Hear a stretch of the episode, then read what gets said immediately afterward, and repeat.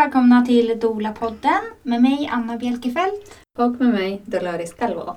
I dagens avsnitt gästas vi av en underbar kvinna som har varit hos oss förut. Eh, hon är födelseaktivist och bland annat författare till boken Natural Birth, A Holistic Guide to Pregnancy, Childbirth and Breastfeeding. Kristina Turner, välkommen tillbaka. Tack, väldigt roligt att vara här. Kristina bor i London och vi passar på att eh, snor henne till Dola-podden när hon gästar vårt långa land. Eh, vill du börja Kristina och berätta vem du är? Jag tänker att eh, lite om dina projekt och vad du sysslar med just nu och även om du har varit här förut så är det ju kanske nya lyssnare. Absolut. Ja, jag heter alltså Kristina och jag är författare och eh, födelseaktivist. Så jag har engagerat mig i ehm, kvinnors upplevelse av att föda barn sen jag själv födde mina barn och jag förstod att det var någonting som var ganska ovanligt att ha en riktigt stärkande och positiv förlossningsupplevelse.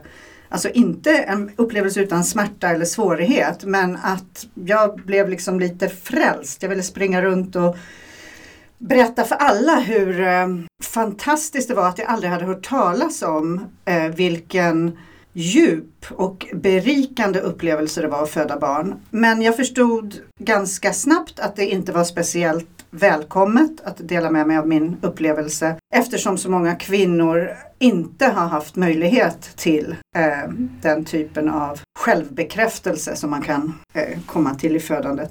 Så efter det så skrev jag den här boken som du beskriver, eh, Natural Birth, för jag tänkte jag vill, jag vill berätta vad som hände mig. Även om bara min egen dotter läser det så räcker det, så att det finns något spår av det jag upplevde. Och eh, sen när jag 2013 eh, flyttade till Sverige, jag har bott här i omgångar hela mitt liv och i England också, eh, så engagerade jag mig i svensk förlossningsvård genom organisationen Födelsehuset, en ideell förening som har gjort mycket viktigt arbete i Sverige. Bland annat varit med och startat Dola och kulturtolk, många viktiga initiativ och bjuder hit föreläsare från hela världen som har olika viktiga perspektiv på födandet. Och där är jag fortfarande engagerad. Så det är en viktig paraplyorganisation för vi som vill verka för en mänskligare förlossningsvård helt enkelt. Så genom mitt engagemang där så kom jag i kontakt med andra människor, äntligen, som också eh, kände som jag att det var någonting som var allvarligt fel systemiskt i förlossningsvården. Och eh, Eftersom jag är svensk i grunden så kändes det viktigt för mig att engagera mig just här och också kunna bidra lite mer ett internationellt perspektiv hur man ser på kvinnan i födandet som jag tyckte saknades här i Sverige.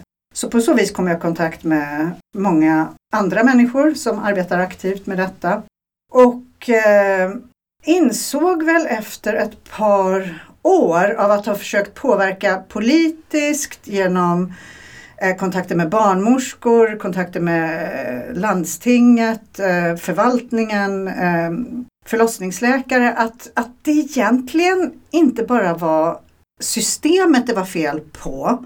Det, var, det handlar om hur vi ser på kvinnans kropp och upplevelse och att från, från, alltså från mycket tidig ålder och att jag ville då försöka skapa forum där kvinnor kunde stärka sig i kontakten med sin egen kropp. För det första rent fysiskt med livmodern och könet och sin kraft. Men också själsligt eller psykiskt, psykologiskt. Där, där man har sin källa till styrka och kraft, uthållighet jag-centrerad visdom så att, som inte ligger liksom utanför en själv. Att tro på sina egna kroppar helt enkelt. Det var så jag började med Röda tältet-cirklar 2013. Som jag först drev tillsammans med en annan barnmorska, Malin Söderberg, som också jobbar mycket med cyklikalitet och lära känna sin egen kropp. Så det, det, var, det var ursprunget till varför jag startade de kvinnocirklarna och det har jag fortsatt med. Den, den typen av aktivism som är grundad i att skapa rätt förutsättningar för att kvinnor ska få en bättre upplevelse av att leva i en kropp med livmoder. Så enkelt liksom. Så som del av det, de projekten då, så håller jag nu på att skriva en bok på svenska som jag hoppas ska utgöra en slags översyn över de systemiska problemen så att kvinnor som ska föda barn kan få det lättare att orientera sig i verkligheten så som den ser ut. För så länge du är inne på vårdens spår så kommer du bara få en begränsad information som passar vården. De vill inte ha en massa jobbiga frågor och krav från kvinnor som föder barn. Därför får du inte tillgång till fullständig information på mödravårdscentralen. Och så har vi den här idén om att man ska, inte ska skrämma upp kvinnorna, att man ska undanhålla information från kvinnor för att jag vet inte riktigt hur man tänker för att de ska bli mer lydiga i systemet. Så ser det ut för mig. Mm. Jag vill gärna lägga fram den vetenskapliga evidens som finns i stor omfattning över hela världen idag, som tillämpas i många länder också. Men inte tillämpas i praktiken i Sverige.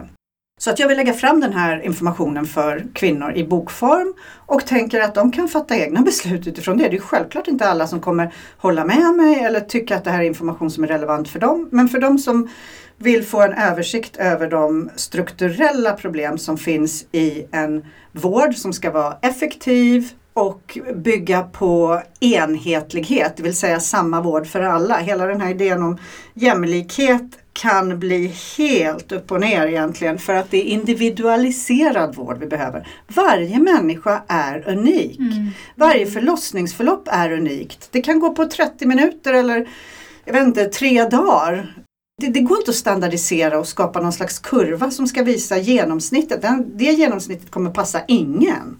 Så det gäller att vara informerad om man vill föda som en feminist. Om man faktiskt vill ha autonomi och agens när man föder. Herregud vad jag pratar. Men, men, men jag försöker liksom sätta i ett sammanhang var jag, var jag är någonstans mm. i min process. Så att jag, försöker, jag försöker formulera det här i, den här i den här boken och sen också ge många beskrivningar på alternativa positiva upplevelser. Det finns ju positiva upplevelser överallt. Fantastiska elektiva kejsarsnitt där man har tagit kontrollen och äger det till att föda i hemmet med barnmorska eller free birthing som också nu eh, håller på att växa världen runt. Som jag personligen inte är speciellt pigg på att uppmuntra för att det finns en anledning till att vi under tiotusentals år har utformat ett kollektivt födande som flockdjur där vi har kloka kvinnor runt omkring oss som har erfarenhet av att föda barn som kan stödja oss. Men det, det är en liten sideline. Men i alla fall, så, att, så det, det, är den boken. Och sen så, så har jag och Maria Bengtsson Lenn, fantastiska författaren till mm. Föd på dina villkor och Gravid i kropp och själ. Och journalisten Anna Toss som har drivit Föda hemma och har också en fantastisk hemsida med resurser om forskning. Vi har startat ett projekt tillsammans som heter Föda lugnt. Där vi helt enkelt försöker få ut den här bilden, både visuellt och berättelsemässigt och upplevelsemässigt av så istället för att bara protestera och slå huvudet blodigt mot en betongvägg, försöka lägga fram det som faktiskt är möjligt och det som är det normala. Det är det normala som medicineras bort. Mm. Så den Instagram-sidan får vi verkligen tipsa om. Det är framförallt det här, eller hur? Som ni... Eller Facebook. Just det, jo det, det, det är både Facebook och Instagram. Vi har precis börjat med det så jag vet inte riktigt hur det kommer mm. växa fram men det är, en väldigt berik, det är ett väldigt berikande samarbete. Så vi, vi har skrivit artiklar tillsammans också, så debattartiklar mm. i svenska medier. Mm. Och vi ville ha dig här för att prata om det spirituella i födandet. Och förra gången du var här så pratade vi om obstetriskt våld, ni som inte har mm. lyssnat på det. Och ja. Valfrihet. Rekommenderas. Men eh, vi tänker att det här med den spirituella dimensionen i födandet som det nästan aldrig pratas om. Och eh, du har skrivit om spiritual birth, om den spirituella resan som eh, graviditeten och födandet innebär. Så att, um, vill du berätta lite om det? Absolut. Ehm, det är väldigt roligt att eh, att ni vill eh, ta upp det här temat. För det har känts som någonting som har varit lite tabubelagt i Sverige. Sverige har en lång tradition av ateism höll jag på att säga nu. Men det är liksom del av den här den socialdemokratiska välfärdsstaten som har så fantastiska egenskaper som jag verkligen hoppas inte kommer monteras ner helt nu. Men det, det är en annan sak. Men Baksidan är väl att det själsliga har blivit någon slags det har stoppats in i samma paket som nonsens, flum och kvacksalveri. Och det är okej, okay, det har varit okej okay att prata om existentiella frågor. Så kan man formulera det i Sverige har jag lärt mig under de tio år jag varit och vad skulle det kunna vara? Liksom? Alltså existentiella frågor i Sverige, som födande, död, de här stora mer filosofiska övergångarna. Men vad jag, vill, vad jag vill försöka komma åt är att det här handlar bara om etiketter. Jag tycker man ska vara lite, lite kanske ödmjuk inför att visdomstraditioner och spirituella andliga läror i, som har funnits i många tusentals år kanske inte bara är den yttre formen, till exempel kyrkor eller moskéer eller hinduiska tempel eller vad det nu är, om man bara ser till den yttre formen.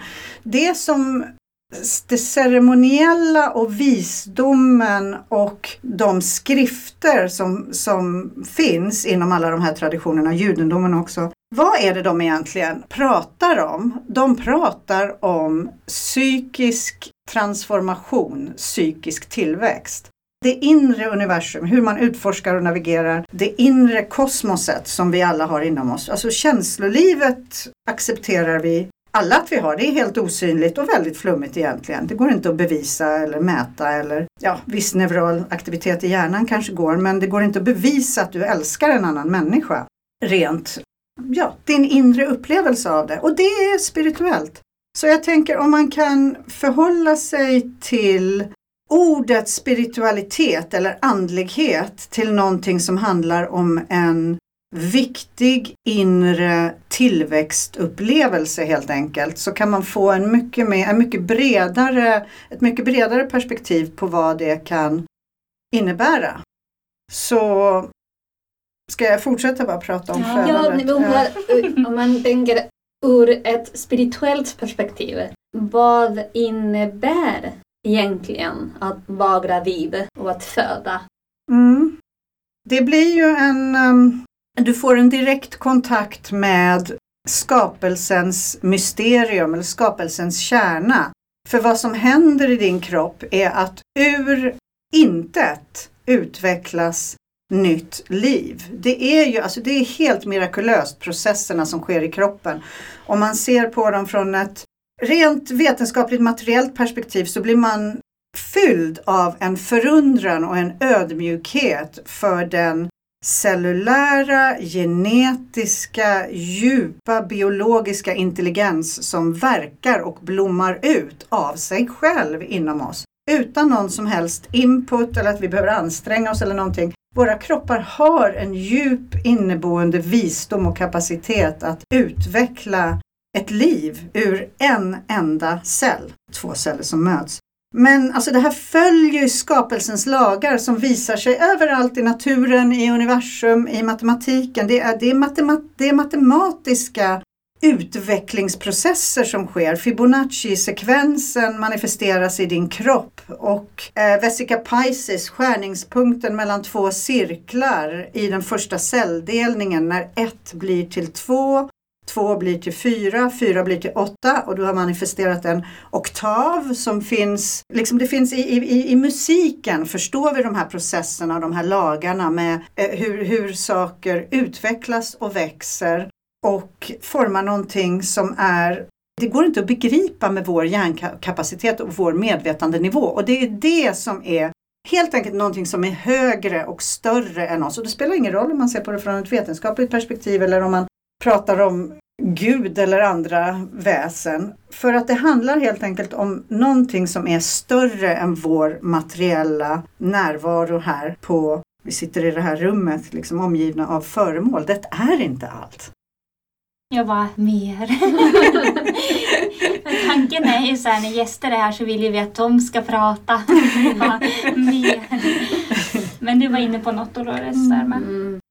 Jag undrar om man, när man är gravid, befinner sig man i ett tillstånd där man kan verkligen connecta med något som är större eller som är vad tycker du? Jag upplevde det absolut så. Därför att man kom ju ut ur sin vanemässiga uppfattning av kroppen och verkligheten. Man får så mycket hjälp under graviditeten som den här ökade känsligheten för dofter och smaker visar ju liksom kommunikationen av ens biologiska instinktiva processer, hur de kommunicerar med mina kognitiva delar. Så jag upplever det som att, åh gud vad det där luktar äckligt eller vad det där luktar starkt.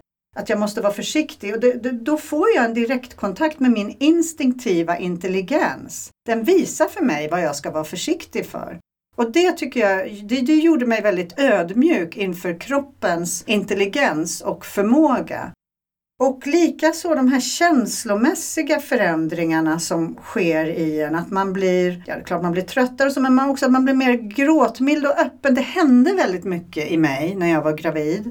Och relationen till min mamma, varje graviditet så utsattes den för en utmaning och en öppning. Nu vet jag inte alls det kanske inte alls är så för alla, men jag bara säger att det, det händer någonting i ens psykospirituella väsen som hänger samman med hormonförändringarna och så vidare. Men det är ändå det som utgör ens medvetenhet och det är precis som att det är en öppning ut från ens vanemässiga, där livet bara rullar på, så får man mycket mer hjälp under graviditeten för att ens sinnesläge och ens inre tillstånd förändras ganska mycket. Och sen också när, när man börjar närma sig förlossning så upplevde jag väldigt starkt ett inåtvändande som började ganska långt innan förlossningen. Och om man kan tillåta sig att följa med det och inte bara hela tiden försöka pressa undan det och köra på som vanligt så har man en möjlighet till ett naturligt, en ingång till ett naturligt kontemplativt tillstånd. Så istället för att försöka liksom schemalägga mindfulness och yoga och allting så har vi en, vi har en visdom i våra kroppar som blommar ut under graviditet och födande och visar oss vad vi behöver, vad som är möjligt och vad som är viktigt. Ja, jag har ett exempel, en mamma som födde förra veckan som jag dolade som eh, hon behövde extremt mycket sömn. Så hon sov och sov och sov och sov liksom varje natt typ 12 timmar och sen sov hon flera timmar på dagen också eh, och upplevde en väldigt lång latensfas. Sen kom hon in och var uppe 9 centimeter så hon hade ju verkligen hon lyssnade på sin kropp. Hon mm. behövde sova. Mm. Det var det hon mm. behövde och då liksom, hon gjorde största delen vilandes. Mm. mm. Det tyckte jag var så himla fint för jag vet att hennes man sa, men ska jag väcka henne? Hur länge ska hon sova? Jag bara, ja, jag låter henne sova. Så hon liksom vaknade till någon gång och bara, åh vad länge jag sovit, vad skönt. Och så somnade hon om. Liksom. um, så verkligen våga lyssna på det som det inre Precis. säger. Vi har ju liksom blivit tränade bort från det med hela den vetenskapliga modellen som har enormt mycket viktigt och bra att erbjuda oss. Men när man helt lägger över ansvaret för ens välbefinnande på någonting som är utanför en själv så tappar man en viktig förankring i verkligheten helt enkelt. Mm. Mm. Och man har massa förväntningar på sig vad man ska klara av som gravid och höggravid. Att man ska prestera på samma sätt som innan. Precis. Och då är det lätt att man tränger bort det här andra som man kanske skulle ha känt och tänkt och upplevt annars. Mm. Om man inte hade rullat på som vanligt. Jag tänker så här, är det är det viktigt att tänka på det spirituella och liksom, varför är det viktigt? Det är väl viktigt om man tycker att det är viktigt. Om man, alltså det är som min, min gamla mormor brukade säga, man måste, disktrasan måste vara lite fuktig om den ska kunna torka upp. Om den är kruttorr så tar den inte emot någonting. Så har man, alltså har man ett intresse för det spirituella så har man väl frågor om vad, vad det egentligen handlar om. Vad är, det för, vad är det för mening med livet? Varför lever vi? Finns det någonting högre? Vad händer i, i mitt inre? Finns det några mysterium? Varför finns det myter? Varför finns det religioner? Finns det någonting bortom den yttre formen av religionerna? Eller så, ja men jag menar till och med alltså inom um, psykoterapi tänker jag. Det handlar ju också om, om uh, inre transformation, om att utveckla sig själv så att man läker sina sår helt mm. enkelt. Så att ja, jag tycker det är viktigt men det beror på hur, vad man sätter för etikett på saker. Mm. Vad kan man liksom, vad ska man säga, få med sig av det? Om man är lite nyfiken på att uh, utforska det, vad kan man vinna på det eller vad man ska säga?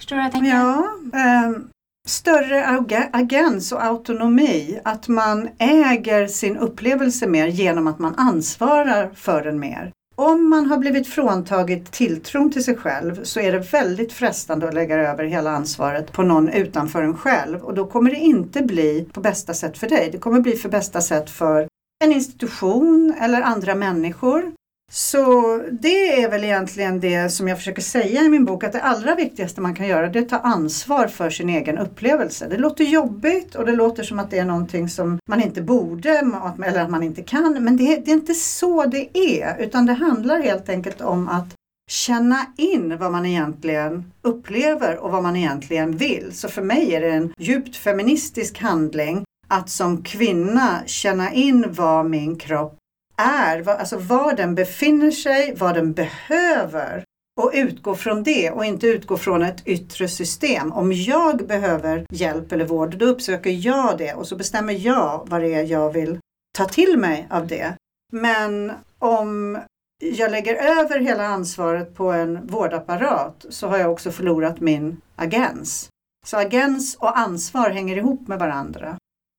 Hur kan man göra det när man är gravid till exempel? Hur, eh, hur kan man förbereda sig och kanske möta det här spirituella inför förlossningen? Om man tänker så här, ja men det här, eh, de här valen har jag, det här kan jag fatta beslut om. Man kanske, om jag tänker att man aldrig har varit i kontakt med det här inre i sig själv och man tänker att ja, men, jag litar på vården men det finns ändå någonting lite som lockar. Liksom, hur kan man göra? Då skulle jag, om, om, om det är så som du beskriver att, att man inte har någon tidigare erfarenhet eller studier, man läst böcker och sånt. Jag skulle nog köra med hypnobirthing för det går ju direkt in i det undermedvetna och det är där du besitter din rikedom och det är där du får kontakt med dina instinktiva kunskaper och din kraft.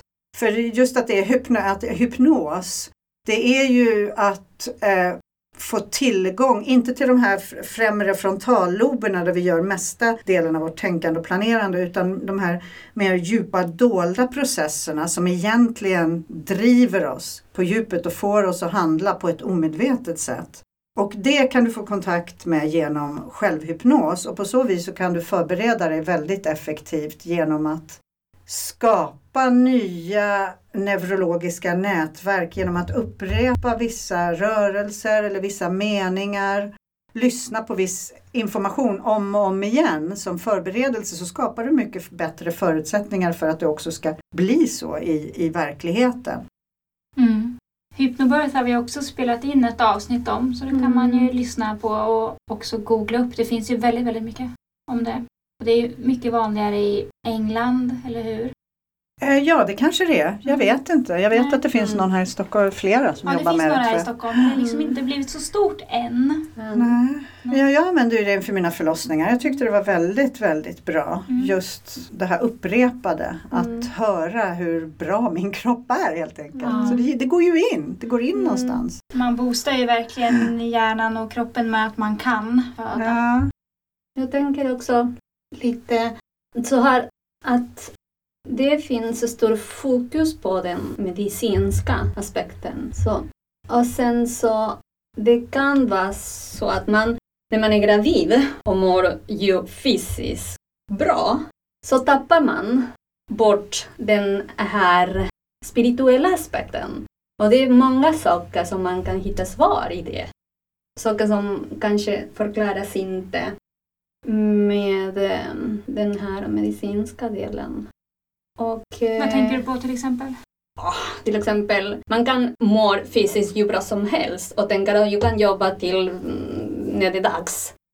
Men eh, man kanske är jättetrött. Och bara som det du berättade. Alltså, de flesta går runt jättetrötta. De flesta gravida som vi känner.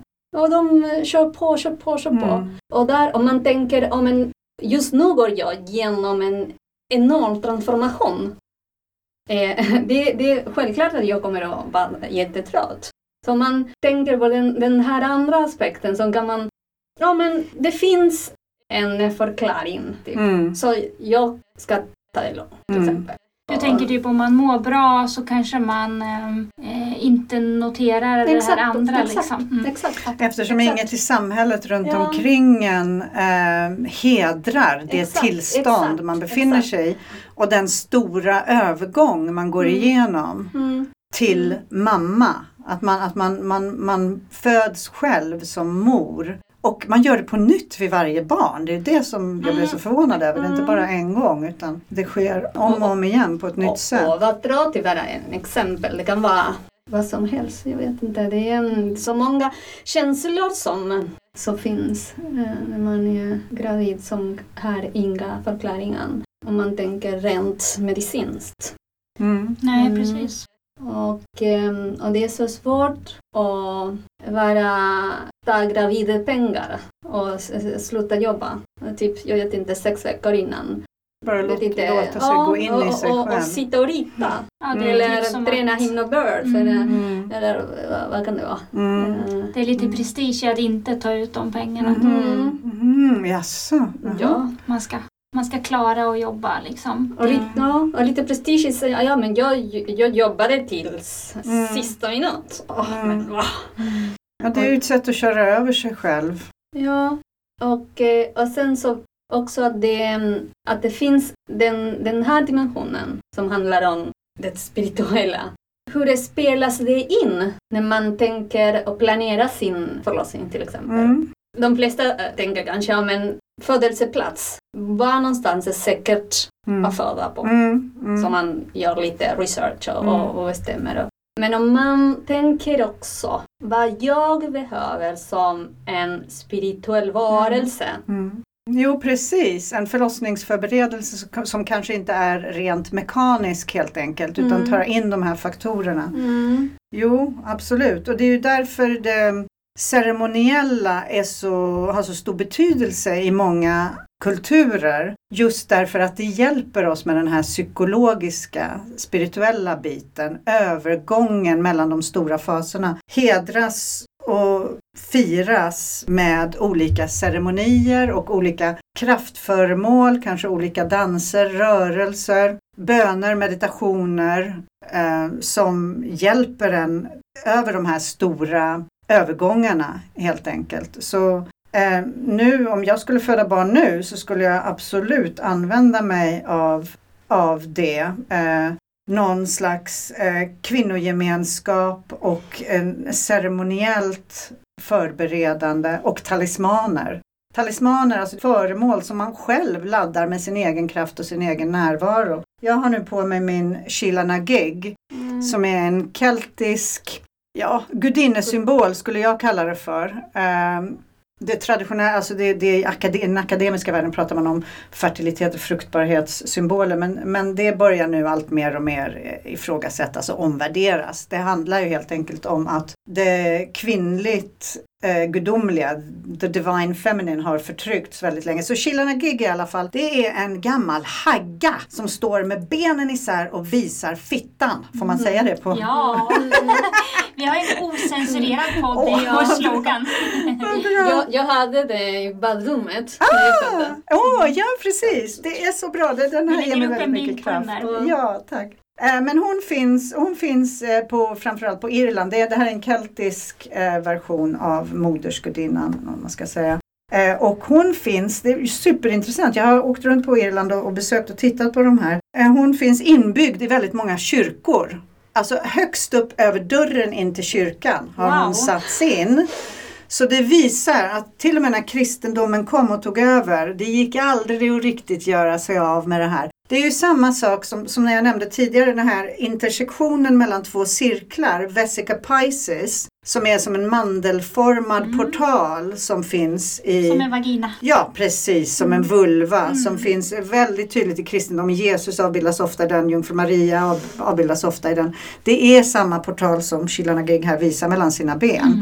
Det är portalen mellan världarna helt enkelt. Mellan det icke-materiella och det materiella och det är därigenom vi, vi kommer hit. Det är dörren till det osynliga Mm. och den har vi i våra kroppar. Det är snyggt. Som vi pratade om eh, Susanna. Mm. Och det är jättespännande för det är universellt. Mm. Man hittar det, eh, de symboler Mm. i så många olika kulturer. Precis, precis för att det här är, en så, det, det är den absolut viktigaste övergången vi gör mellan icke-existens och existens. Mm. Och sen åt andra hållet också, från existens till icke-existens. Mm. Och det är ju det som är det stora som, som, som jag upplevde och som jag beskriver i min bok. Som att mötet mellan liv och död. Man kom, alltså genom den stora, utmanande, svåra, obeskrivliga kraftfulla upplevelse som det är att låta livskraften strömma genom sin kropp obehindrat när man föder barn så kommer man i kontakt med det här gränslandet där filmen är så tunn att den blir genomskinlig och du kan uppleva det i din egen själ och i din kropp. Kontakten mellan liv och död helt enkelt. Det är det som jag upplevde som en djup initiering. En initiering är någonting som många kulturer har ritualer och ceremonier just vid de stora övergångarna som gör att man när man kanske blir initierad som vuxen kvinna till exempel, när man börjar menstruera eller initieringsritualer som man när man ska genomgå olika utmaningar för att komma in i den manliga gemenskapen. Och det jag upplevde var att föda barn var en djup initiering i livets mysterium och framförallt min egen kraft helvete vilken mm. kraft jag besitter. Mm. Och du vet, vi ska skaffa oss alla de här artificiella utmaningarna, springa maraton, cykla Vättern runt, äh, gå på gymmet varje dag, äh, resa världen runt. Vi ska, vi ska göra så mycket och prestera så mycket. Och vi har den absolut mest berikande utmaningen besitter vi i våra kroppar. Mm. Det som är helt en del av oss på cellulär nivå. Och det förkastar vi. Mm. Det är mycket, mycket märkligt. Mm. Och det här tror jag hänger ihop med patriarkaliska strukturer och det förtryck som har funnits både av kvinnors kroppar, kön men också av kvinnors spiritualitet, psykologiska mm. tillväxt, mm. inre liv i många tusen år. Så att allting ska göras på patriarkatets villkor så att de kan upprätthålla kontroll. För kvinnan är en okontrollerbar kraft. Hon har tillgång till universums skapelsekraft. Om inte hon kontrolleras så kan hon bli väldigt farlig och mm. utmanande för patriarkatet. Och därför tror jag att mycket av världen ser ut som den gör idag. Både kyrkan och andra religioner men också sjukhus, de här institutionerna som vi har i samhället. Ja, man skulle kunna tänka lite konspiratoriskt. Ja, jag tror inte att det är några enskilda män som, som är eh, onda. Det är ju absolut inte så. Alltså, de lider ju lika mycket som vi av det här. Det är fruktansvärt.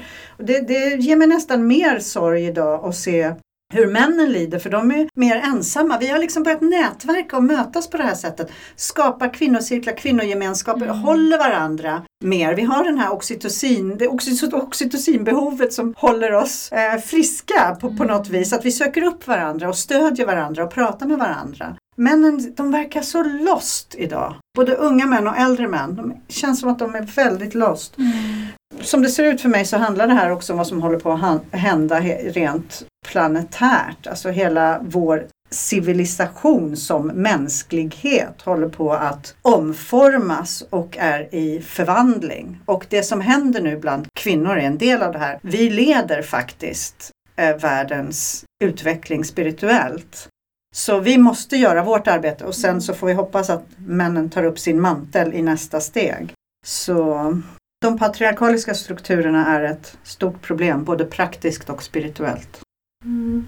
Det här med födandet är ju också en plats där kvinnor kan träffas, verkligen, och eh, bygga det här systerskapet.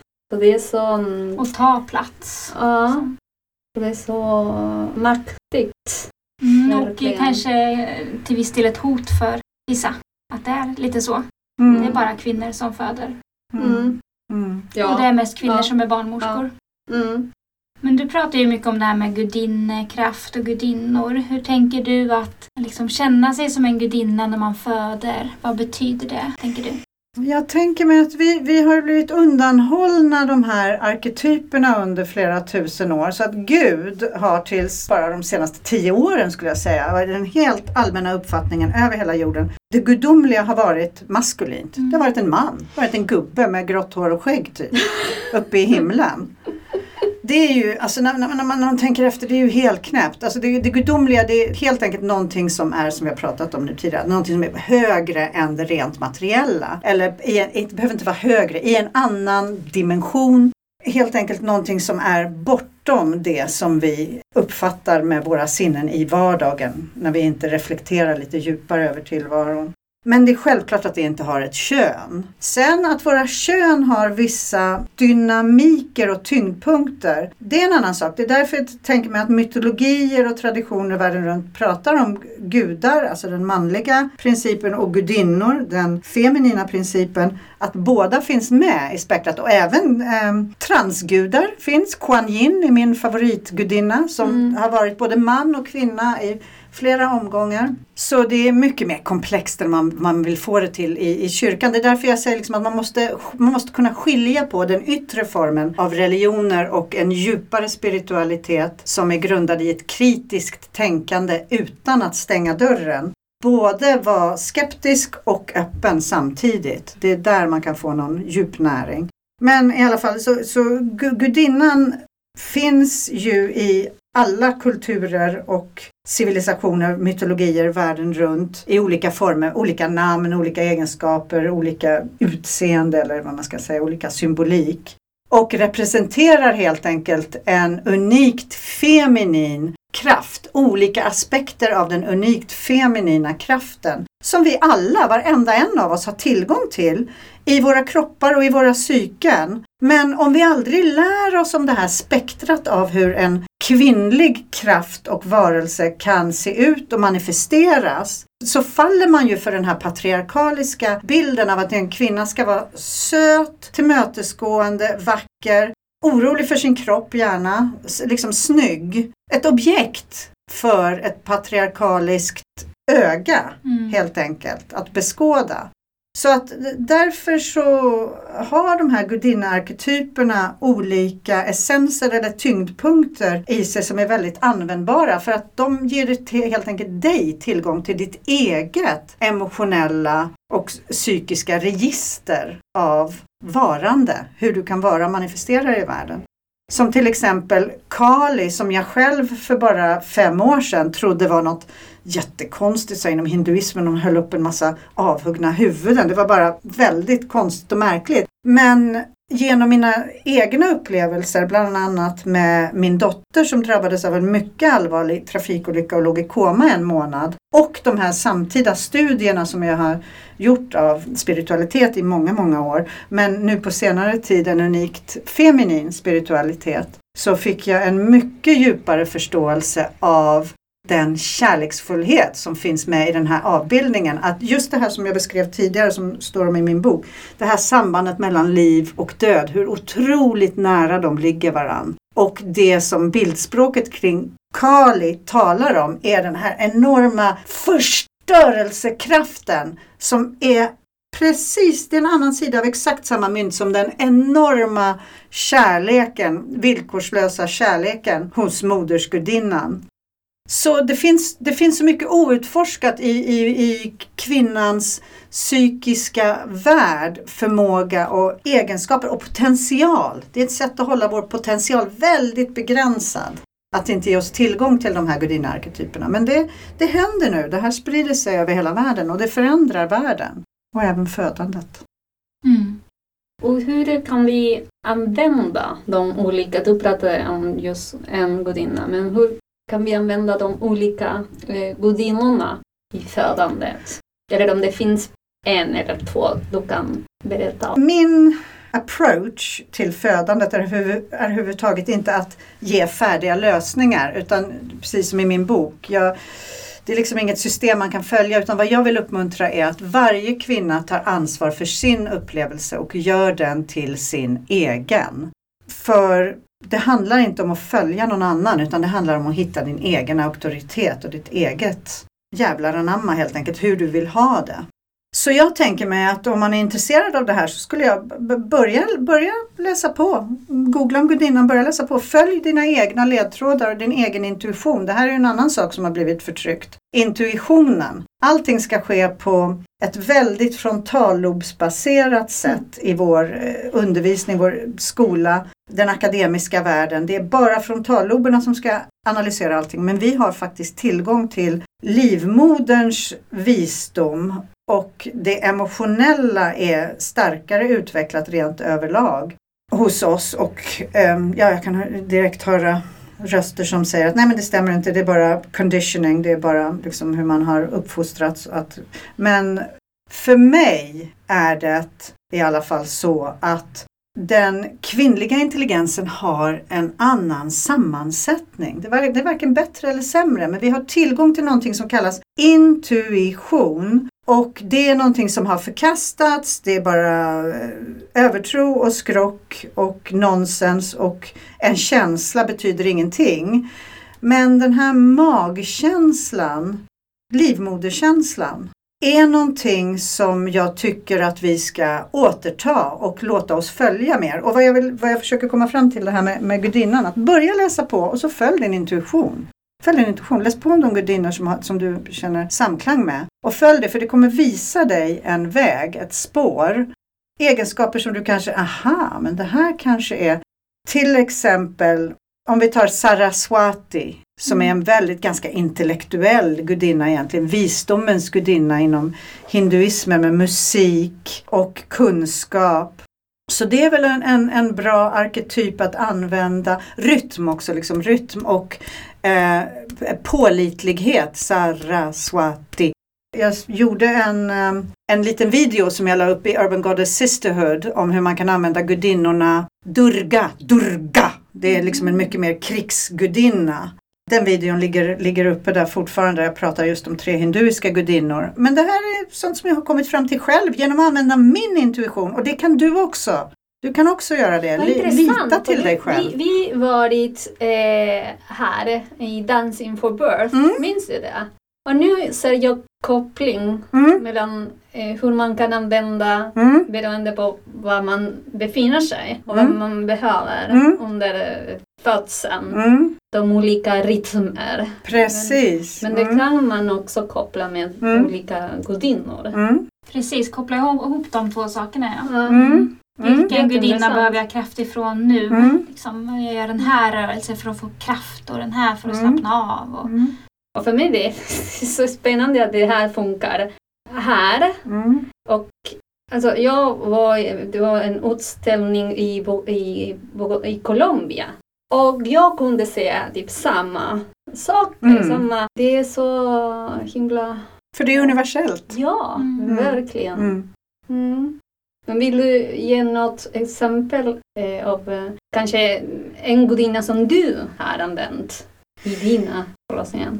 Nej, för då när jag födde mina barn så visste inte jag allt det här som har kommit till Aha. mig nu. Ja, alltså förutom jungfru Maria då. Jag hade, då hade jag precis fått upp ögonen för det här med vulvan. Att mm. hon avbildas i en vulva. Så det hjälpte mig väldigt mycket. Och sen också att, att jungfru Maria var en rest av modersgudinnan, ett hedrande av det gudomligt feminina som fortfarande fanns kvar i kyrkan. Alltså jag skrev den här boken 2007-2008 ungefär. Sen dess så har jag fått mycket mer kunskap och det har hänt så mycket mer också i, i forskningen om eh, gudinnan. Så att det, det, var, det var det jag använde mig av. Det var väl det, den, den, absolut viktigaste. Det var en väldigt banbrytande insikt för mig att se att vulvan, att, att, någon, att någon eller någonting hedrade vulvan på ett dolt sätt. Det var väldigt, väldigt hemligt. Men när man väl hade sett det så kunde man inte ose det. Oj, oj, oj, det öppnade verkligen mina ögon. Jag tänker på det här Instagramkontot som heter Hej Snippan. ja, jag med! Jag älskar det Instagramkontot. Det är ju en kvinna som lägger upp eh, bilder på olika liksom, föremål där hon ser snippmönster. Liksom. Ja, ja, olika mönster. Och, överallt. Mm. Hon har börjat se snippan och då mm. ser hon den överallt. Det är väldigt Precis. Ja, apropå precis. det universellt. Ja, ja, mm. absolut. och när man ser det kan man inte ose det. Nej. Och så, ja, precis. Just det. Och så att man ger sig själv till tillåtelse att göra det. Att det inte är någonting smutsigt, hemligt Exakt. och farligt. Eller defekt som inte kan sin mm. uppgift. Du nämner livmodervisdom. Vad menar du med det? Jag tänker mig en, en visdom och förståelse av livet och tillvaron som är grundad i cyklikalitet helt mm. enkelt. Vi är cykliska varelser som varje månad, månfas, eh, går igenom fyra ganska distinkta faser. Och vi är vågformade varelser där våra energier dalar och växer till, dalar och växer till. De pikar och de troffar, vad det nu heter på svenska. Dippar. Precis. Så det, det, här lever vi i, men det här är, är också någonting som har eh, förtryckts och förträngts och det ska medicineras bort. Det ska inte märkas att vi har de här förändringarna i vår psykiska inre värld och i vår kroppsliga värld. Alltså, jag såg någon gång någon avbildning av hur mycket livmoder, hur mycket större den är när man har mens. Det är ju helt sjukt. Bara en sån sak. Det är inte konstigt att man känner sig liksom svullen och trött. Man bär, bär omkring mm. på den här. Och att tillåta sig att eh, vila och att vara i samklang med de här faserna.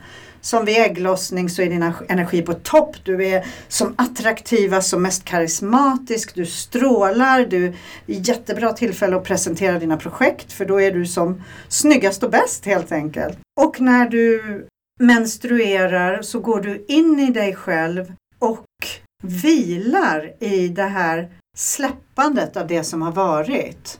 Och lå, låta oss eh, ha de här upplevelserna och utgå från den här enorma styrkan vi har i den här föränderligheten som har förträngts och eh, inte ska märkas och inte synas. Vi ska bara ta Alvedon när vi har mens och resten av tiden ska vi vara linjära. Vi ska vara som män helt enkelt. Män har också cyklikalitet, säkerligen, men inte på samma sätt som vi. För vi har de här starka, stora hormonförändringarna som påverkar oss både fysiologiskt och känslomässigt och spirituellt. Varje månad så går vi igenom det här. Så att det finns en visdom och det här hänger ju ihop med liksom kretslopp.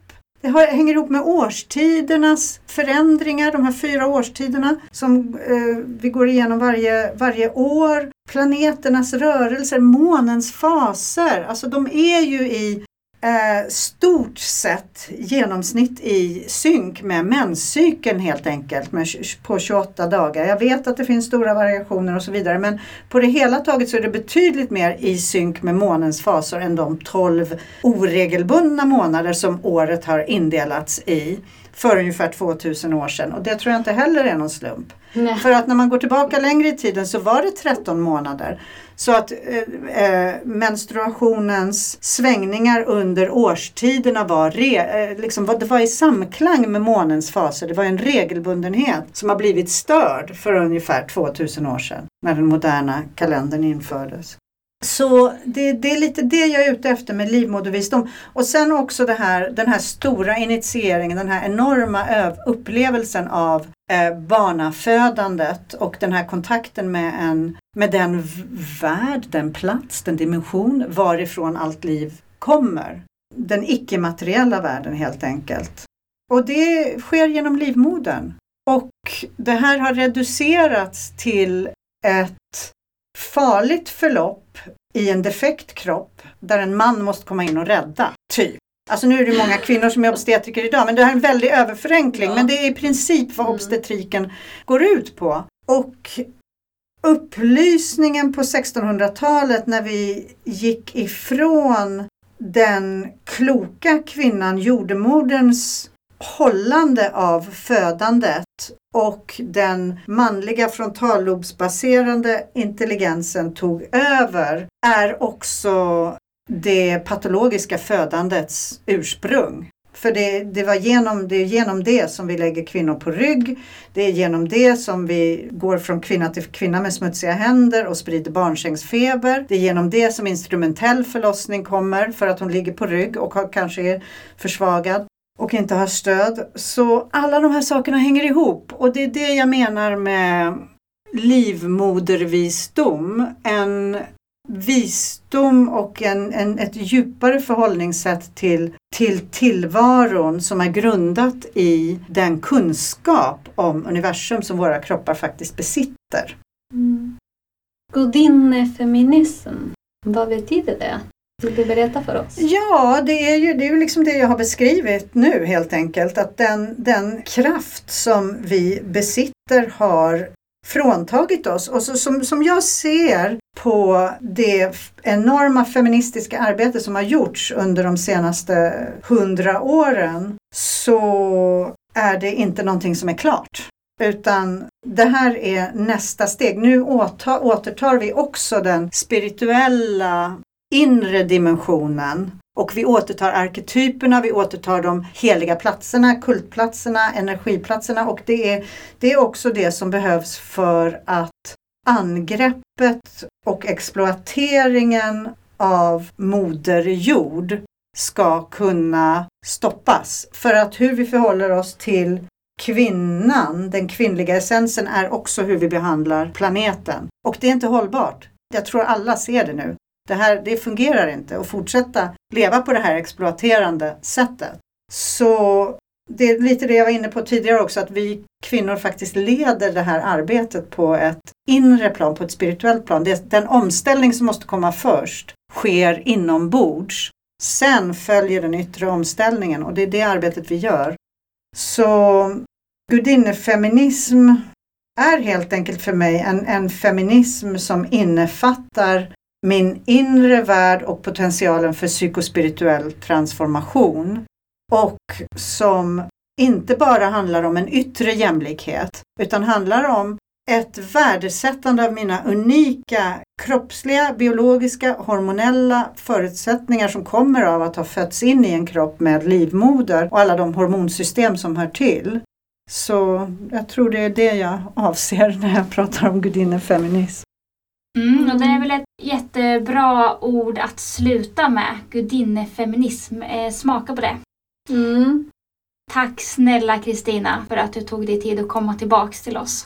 Tack för att ni skapar den här möjligheten. Det är så värdefullt och jag är så glad och tacksam att vara med i det här nätverket. Ja, stort tack, du är som en idol. Ja, verkligen. Stolapoddens idol. Vill du eh, nämna din hemsidas namn så Ja. alla får den också? Mm. Urban Goddess, because you can be a goddess in the urban world too! Och, och vi vill rekommendera dina oljor. Åh, Ehm, tack! Jag har tagit fram en eh, doftessens eh, i samarbete med en kvinna i New Forest där jag bor som grundar sig på eh, gudinnan. Så det är Goddess in a bottle och Goddess in, Mm. in your room kallar de. Det är ett doftljus och en liten rescue roller som jag alltid har i handväskan. Som helt enkelt är en, en blandning av doftessenser som associeras med gudinnan i olika kulturer. Så att man alltid har tillgång till den här energimässiga gudinnekraften, kärlek och styrka i en väldigt kvinnlig blandning. Du har en eh, webbshop. Ja. Tack så mycket Kristina. Tack själva! Tack!